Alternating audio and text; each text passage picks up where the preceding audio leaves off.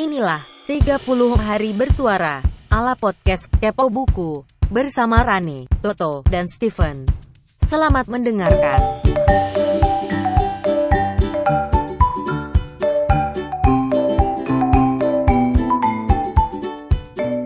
Hey, apa kabar? Assalamualaikum. Ini adalah hari ke-17 challenge 30 hari bersuara ala Kepo Buku.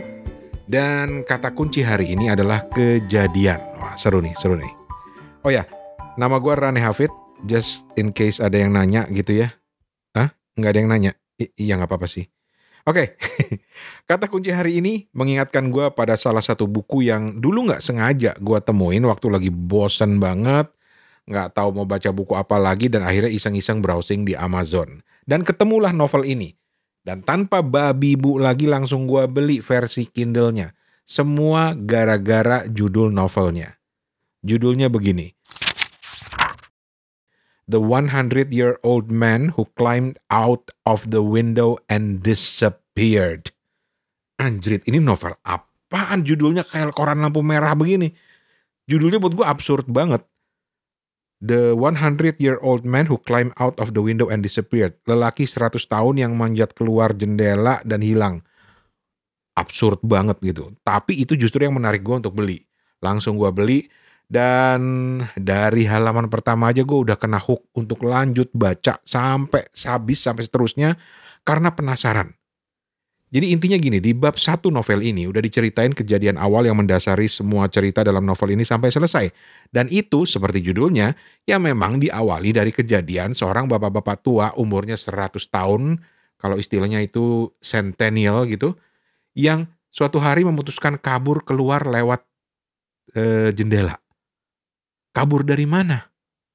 Jadi gini kejadiannya si bapak tua itu namanya Alan Carlson. Itu tokohnya ya, tokoh bapak tua itu. Dia tinggal di panti jompo di Malcolmping. Gue nggak tahu ini bener nggak cara bacanya Malcolmping di Swedia. Dan hari itu dia merayakan ulang tahunnya yang ke-100. Ini istimewa banget ulang tahun ke-100 karena di panti itu baru ada satu orang yang umurnya nyampe 100 tahun. Sampai-sampai Pak Wali Kota Malcolmping, wah, gue penasaran pengen tahu cara bacanya gimana ya jadi menyimpang deh tuh. Sampai di mana? Oh ya, uh, Pak Wali Kota Malkomping itu sampai-sampai mau datang mau ikut ngerayain hari ulang tahun ke-100 si kakek ini.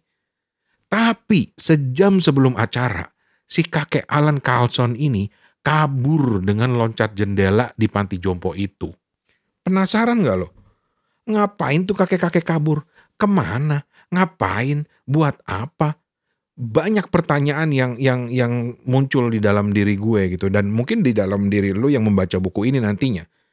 Dan ketika lu lanjut membaca karena penasaran, sumpah lu nggak akan nyangka jalan ceritanya jadi seabsurd ini. Gue tuh sampai mikir, ini penulis cerita ini namanya Jonas Jonathan, uh, makan apa sih? sampai dia bisa bikin cerita yang segokil ini. Gimana nggak gila ya? Kakek-kakek 100 tahun kabur lewat jendela. Mulainya dari situ. Si penulis kemudian membawa tokoh kakek-kakek ini kabur uh, uh, ke stasiun atau stasiun stasiun kalau nggak salah. Ketemu koper nggak sengaja dititipin koper sama orang tapi karena lain dan sesuatu hal akhirnya koper itu kebawa sama si kakek. Gua nggak mau kasih banyak spoiler ya jadi koper itu kebawa sama si kakek dan di dalam koper itu adalah duit haram hasil jualan narkoba. Dikejarlah si kakek-kakek sama si penjahat pemilik koper itu.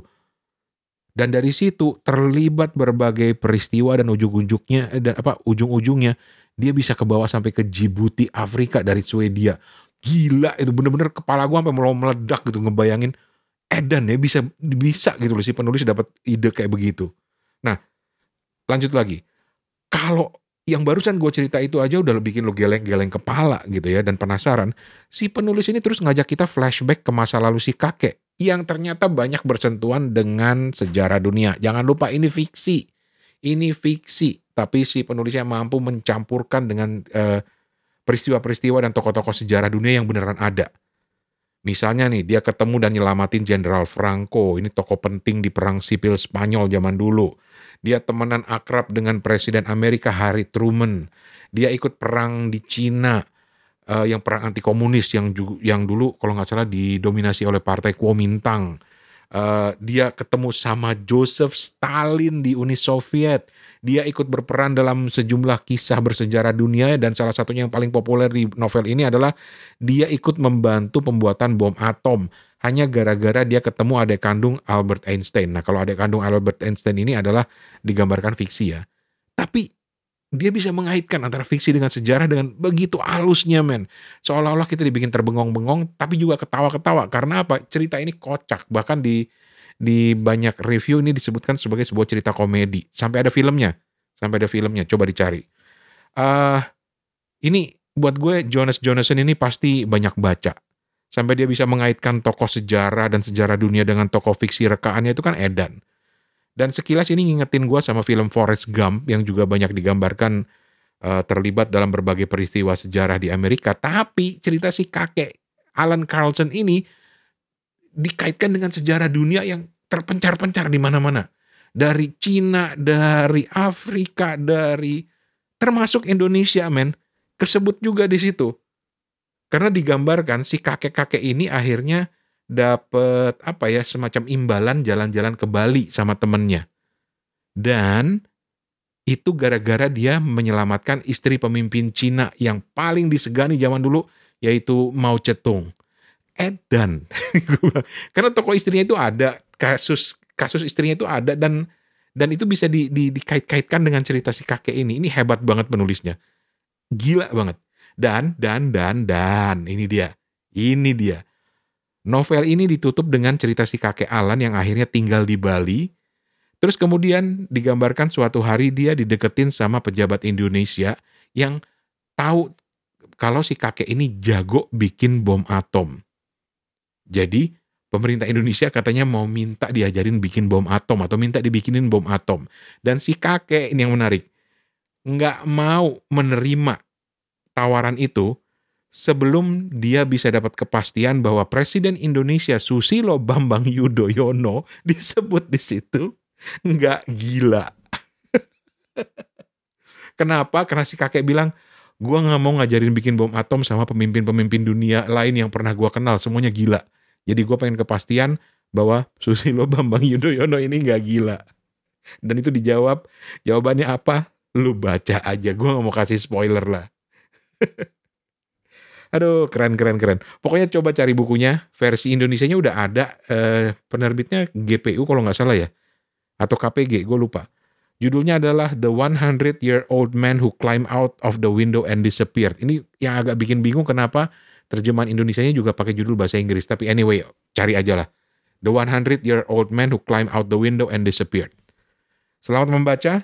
Lo yang suka sejarah, gue pikir bakal terhibur dengan buku ini, walaupun ini novel walaupun ini fiksi. Dan untuk itu gue Rani Hafid pamit. Besok kata kunci 30 hari bersuara hari ke-18 adalah cita-cita.